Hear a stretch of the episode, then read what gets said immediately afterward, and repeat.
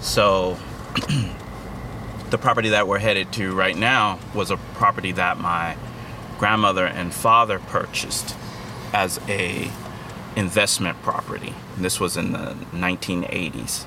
Cleo Davis is an artist in Portland, Oregon, and he's driving me to see a house in the historically black neighborhood of Albina. It's a house that tells an important story, not just for Cleo, but for all of America. Cleo pulled into a street in a quiet residential neighborhood with leafy trees.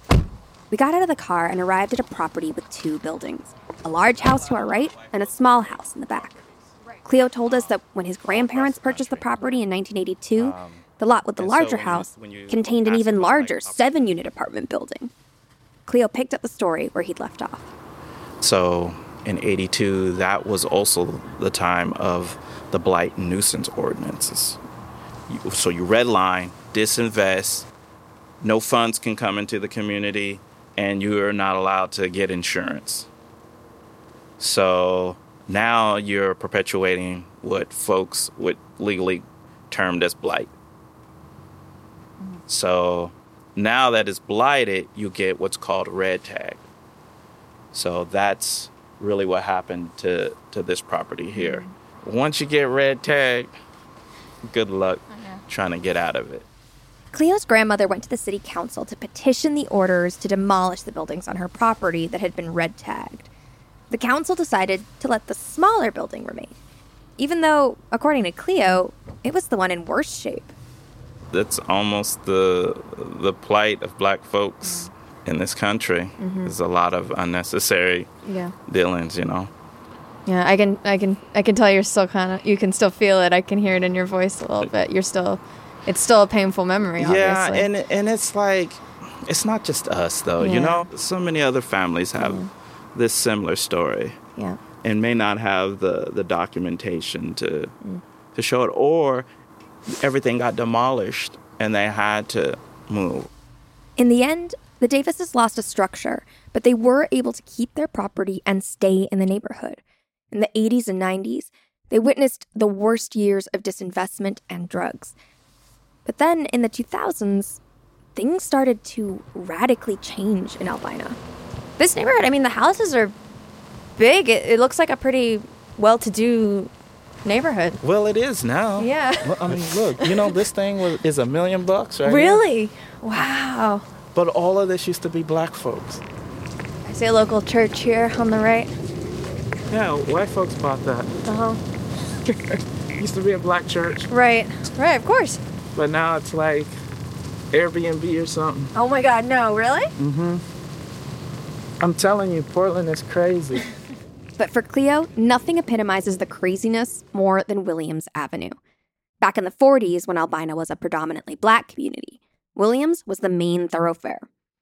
As we were walking, Cleo would point down to the sidewalk from time to time, showing me an art project that he and his wife had completed.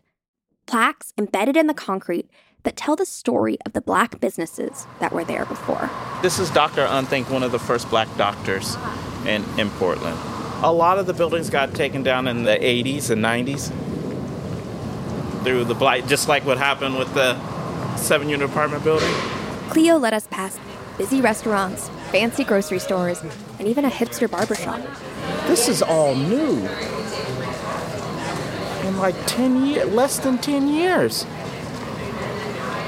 It didn't always look like this. It wasn't always like this. So when I'm working on this street every day, I started to hate the street. The rents are high. And the whole legacy is being stolen. This was our street, and then you're walking down the street, and the folks are looking at you like, "What you doing here? Right. What you well? No, what are you doing here?" But I'm just, I just imagine like a, a, a future development where black owners can can feel that they're still taking advantage of the, the growth and the prosperity that's being accumulated without at the same time necessarily feeling like it's no longer their own. Like there, there is a way forward to have both of those. There mm-hmm. is, but so here's the thing: you have to, we have to create new economic development models. Yeah. Cleo's right. And Portland isn't the only city in the US that's struggling with the issues of equitable growth, especially in historically black neighborhoods. But the way cities try to mitigate the harms of gentrification today is often by constraining development. Things like setting aside certain buildings or certain units for affordable housing, or requiring developers to pay community benefits as compensation for building market rate apartments. But what if, instead, residents could benefit from development and thus benefit from their neighborhood's growth? And what if they could even have a say in what gets built, whether they're homeowners or not? Welcome to City of the Future, a podcast from Sidewalk Labs that explores the ideas and innovations that could transform cities. We're your hosts. I'm Vanessa Quirk. And I'm Eric Jaffe. And in this episode, we're building off of our previous episode, From Owing to Owning, and looking at new models for building generational wealth that go beyond home ownership. These are innovations that could not just help folks participate in and benefit from their community's growth, but that could even expand our very concept of wealth. And potentially even begin to redress some of the racial inequities that have been baked into our housing system for decades.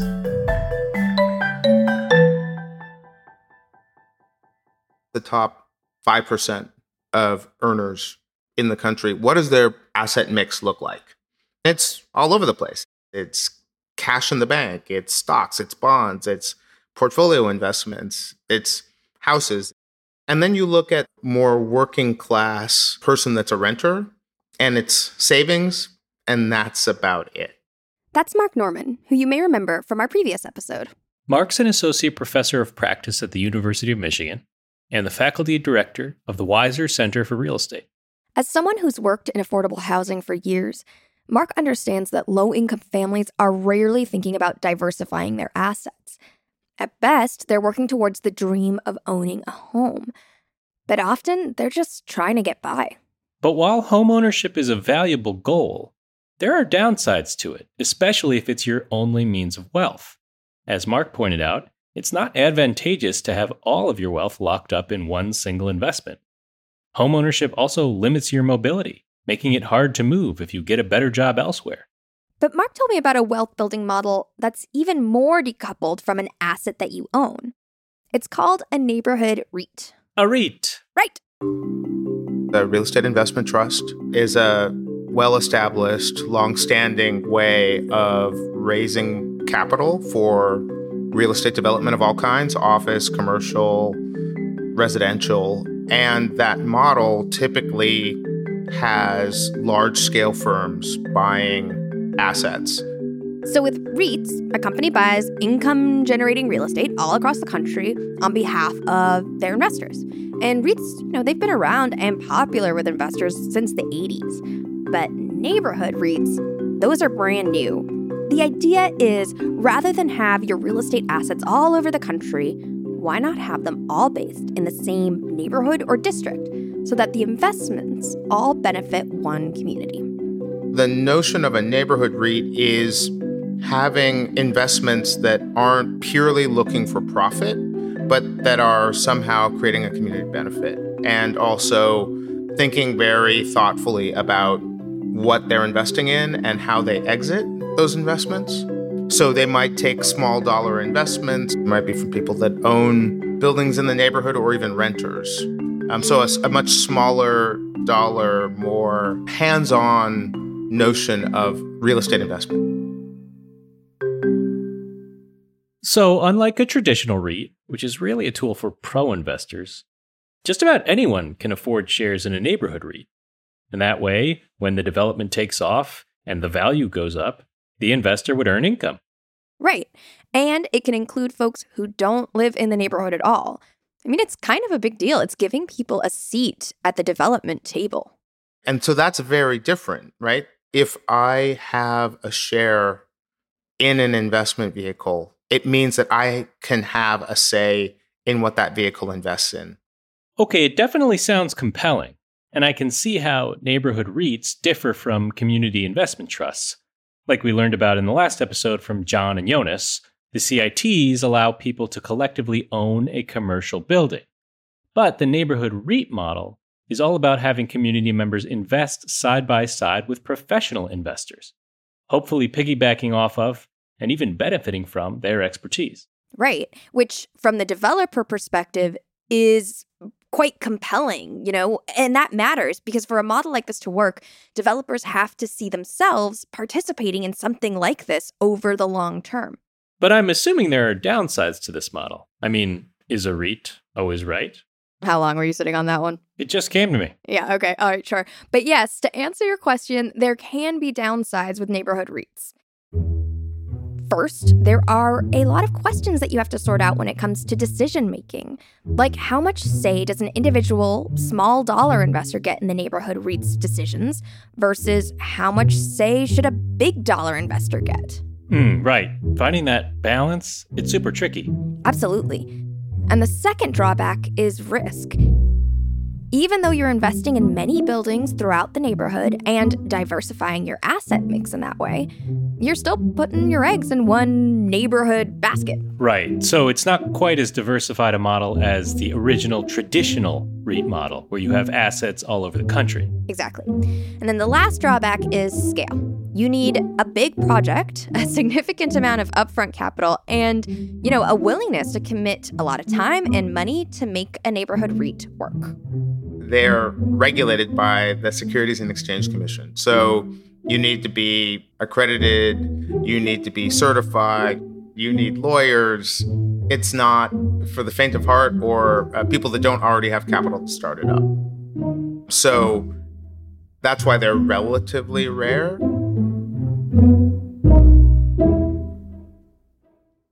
That all makes sense, but one question I still have is do these neighborhood REITs make sense for developers? Is there enough in it for them to take a chance on trying something like this out? That's still a really big unknown.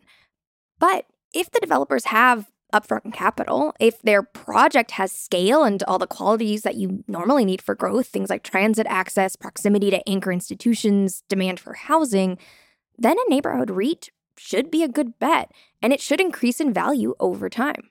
Hmm. And I guess another potential upside for the developer is you'd be embarking on a project where, at least in theory, you should have the community strongly behind you because they're actually going to benefit from the growth your development will bring. And of course, that's not to say that something like the neighborhood REIT is a silver bullet for community engagement and community alignment or affordability, but it is a really exciting new approach that, when combined with other initiatives, could really help folks generate wealth without needing to own a home. Agreed. And while neighborhood REITs might not be super popular yet, they are starting to pop up in places.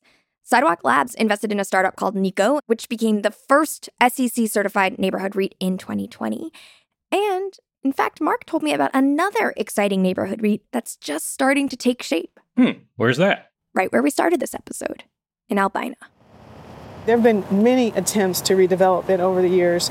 Because it's kind of valuable real estate, I would imagine. I mean, 94 undeveloped acres in the central city, adjacent to public transit, on one of the most beautiful rivers of the West, within walking distance of jobs in the central city. Yeah.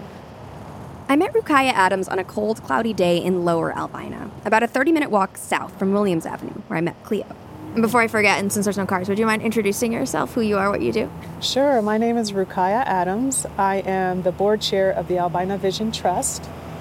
I'm a fourth generation Black Portlander, and I carry with me a lot of history about this place. Rukaiyah, who is an asset manager, left Portland many years ago, but she came back in 2011 for what she thought would be a short vacation. Ten years later, she's still here and along with her colleagues at the Albina Vision Trust, she's on a mission. So, high level objective is to lead the redevelopment of Lower Albina, centering black history and culture, mm. and to create dense, affordable housing in the central city for a diverse community. Back in the 1940s, Albina was a large district that encompassed Williams Avenue in the north and went down to the river on the south. But when the Federal Highway Administration decided to construct the I 5 in the 1950s, it did what it had done in African American communities across the United States. It leveraged eminent domain, the legal right of a government or government agency to seize private property for public use, and ran the highway right through Albina. Everything around the highway and to the south was demolished. So, one part of the Albina vision is to restore the vibrancy of the community that once called Lower Albina home. My great grandmother, when she came from Shreveport, Louisiana, rented an apartment, probably somewhere right in here, an attic apartment from a white family. And she, on her first day here, wrote in her Bible, which she used as a journal Dear God, I hope I've made the right choice in bringing my family to this place. And this would have been a time when in the American South, Emmett Till was murdered mm. for, you know, nothing, nothing really. Yeah. And this was a diverse, thriving community. Mm. It was also the jazz district in Portland, so mm. it was mm. lively and full of life. Rukaya walked me through parking lots and Dover streets. And along the way, we passed by a huge 1950s modernist building of concrete and glass. It's a beautiful building. So it's called the Veterans Memorial Coliseum. Basically, we destroyed the homes of black veterans like my grandfather mm. to build a monument to white veterans mm. um, here. And despite its beauty, there's a lot of pain. Yeah. And again, this is all this was all homes. And where did your grandfather go when it was after it was demolished? Pushed out of here in the 1950s they moved a little north to a neighborhood where there's a hospital. They got pushed out of there in the 70s to the neighborhood where my grandparents bought a house. And in the 90s, the gentrification and displacement of black populations happened in that neighborhood, and they moved further out to the edges of the city. Mm-hmm. Um, but it's been a 50 year intentional campaign to displace. And so, what we're learning in the Albina Vision is that it's going to take a 50 year intentional effort to replace people. It won't happen in one shot it'll take me the better part of my life to restore the community that my great grandfather and grandfather lived in, basically. The first step toward restoring that community is to put forth a redevelopment plan that will make this neighborhood thrive and generate wealth. And they've got a lot of the ingredients that they'll need for growth. Tons of transit lines that run through the district, they're right across the bridge from downtown, and there's just tons of demand for housing in Portland. Just tons. And they have a lot of scale, right? I mean, 94 acres is pretty big. Yeah, and it's big enough that Rukaiyah thinks that they should be able to do multiple developments on the site, including more traditional development projects like condos and hotels to bring in revenue, as well as more community focused projects. But then the next step is to ensure that the wealth is accessible to both residents and to people whose ancestors once lived in the neighborhood. And that's why Rukaiyah and the Albina Vision Trust have been talking with Mark Norman to try and figure out if a neighborhood REIT could be one way of accomplishing that goal. We've been experimenting for the last two years in forming an affordable housing REIT mm-hmm. so that people can invest in REIT shares and participate in the upside of their community without having to buy an apartment. The challenge is that the people who were displaced here when we used eminent domain, we are not likely able to bring those same people back but their children and grandchildren could be among them. There may be other new people who come to Portland who are of African American descent who have had similar experiences of displacement in other cities. We are trying to face that.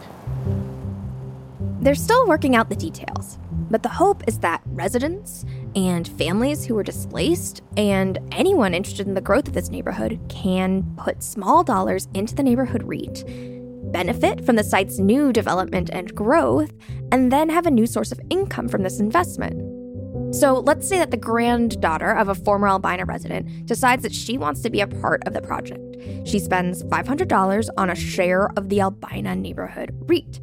Maybe she even votes on some of the developments that will go into the project, and then a few years later, a number of the development projects start to do well. Some retail buildings get leased up quickly, the hotel is doing great business, maybe an office building got sold for a fabulous little profit. So then she will earn money on her investment. So while the neighborhood REIT can't right all the wrongs of what happened here in Albina, Rukaiyah and the Albina Vision Trust are hoping that at least it's a step towards helping folks access the multi generational wealth that they were denied. So, what are the next steps until this project comes to life? So, while the Albina Vision Trust has acquired some parcels of the site, they don't yet own all 94 acres. Okay, that's not totally unusual for a really big development, but it's an issue. It is. But in collaboration with the community, they've created a set of six principles.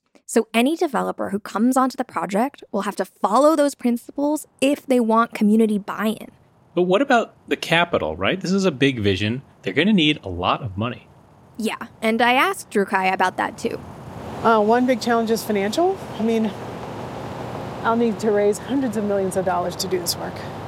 It's a good thing you're really good at your job. Yeah.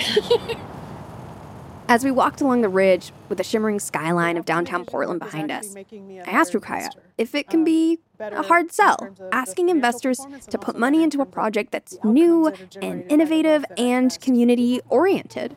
So now I'm going to go. I'm going to go heady on you. Sure. Okay. We're the CFH podcast. We can go heady. It's cool. Okay.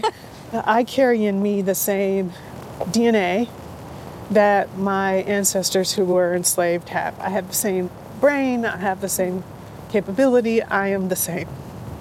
But in 400 years, we've gone from being objects of capital to being subjects in control of capital. And I'm one of those people. I've made that jump in one generation. I have something to say about it. I know what it feels like to be downstream of some of the decisions that investors make.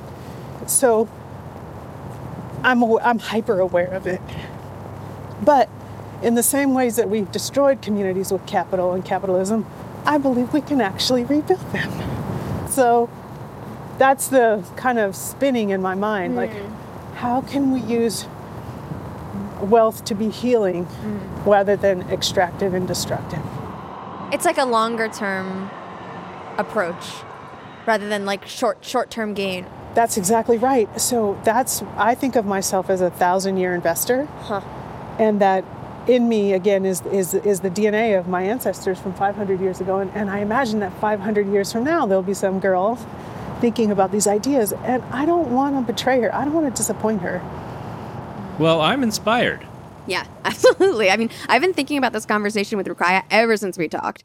And what they're trying to do with Albina Vision, it really is cutting edge. It's not just the neighborhood REIT either, by the way. It's every aspect from the community engagement to the design.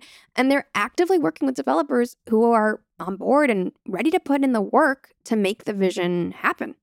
If they're successful, this really could be an important new model for development in the US. I mean, this is a new way for people to access multi generational wealth. It doesn't require locking up all your savings into one asset, like a home. And that's a big mental and cultural shift for us. Totally. And, and I'm thinking back to Cleo Davis, too, right? Who we heard at the top of the show, because, you know, he does own property in Upper Albina, and yet he no longer feels like he belongs in his own neighborhood. But with Albina Vision, you know, he and his family could be investors in the future of this entire neighborhood, and they'd have a say in that future. So they'd generate wealth, but without losing that sense of belonging. Wait, we never heard the end of Cleo's story, did we? I mean, what happened to his family's property? Oh, you're right. Okay, so to refresh your memories, uh, we left Cleo and his family after the seven unit building on their property had been demolished. And that lot sat vacant for decades throughout the 80s, the 90s, and the early 2000s as the neighborhood changed around them. Then one day in 2018, Cleo was walking to the City of Portland archives, where he was doing research at the time, when he noticed a commotion happening down his block. People were up in arms about an 1864 Victorian building known as the Mayo House that was in danger of being demolished. So Cleo called up the city and he said, Hey, I have an empty lot nearby. But he wasn't just offering to save the house, he was asking for a zoning change so that he and his wife could turn this house into something more a cultural center and a public archive where people could learn about the discrimination that had occurred to his family and countless other black families like theirs. Wow, that's really powerful. It is, and Cleo and his wife are working with a local architect and design students to reimagine this building as a monument to the neighborhood's black history and future. But since they first started imagining what that archive could be, they've also learned about and gotten involved with Albina Vision. And Cleo's hopeful that Albina Vision will be the greatest monument to Black creativity and prosperity that the neighborhood could have. The vision itself is monumental.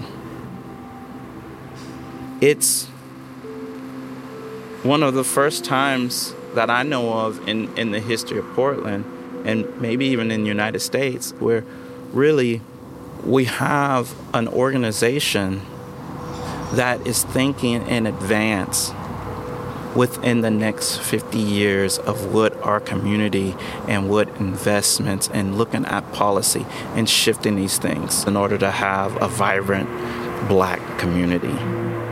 Albina Vision isn't just the hope of the black community here in Portland.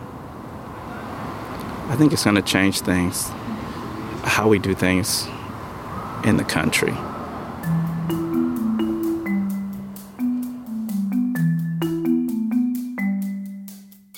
Thank you for listening to City of the Future, a podcast from Sidewalk Labs. Your hosts are Vanessa Quirk and me, Eric Jaffe. A big thanks to all the guests who made this episode possible Cleo Davis, Mark Norman, and Rukaiyah Adams. Thank you to Allison Novak, Jesse Shapins, and Crystal Dean from Sidewalk's development team.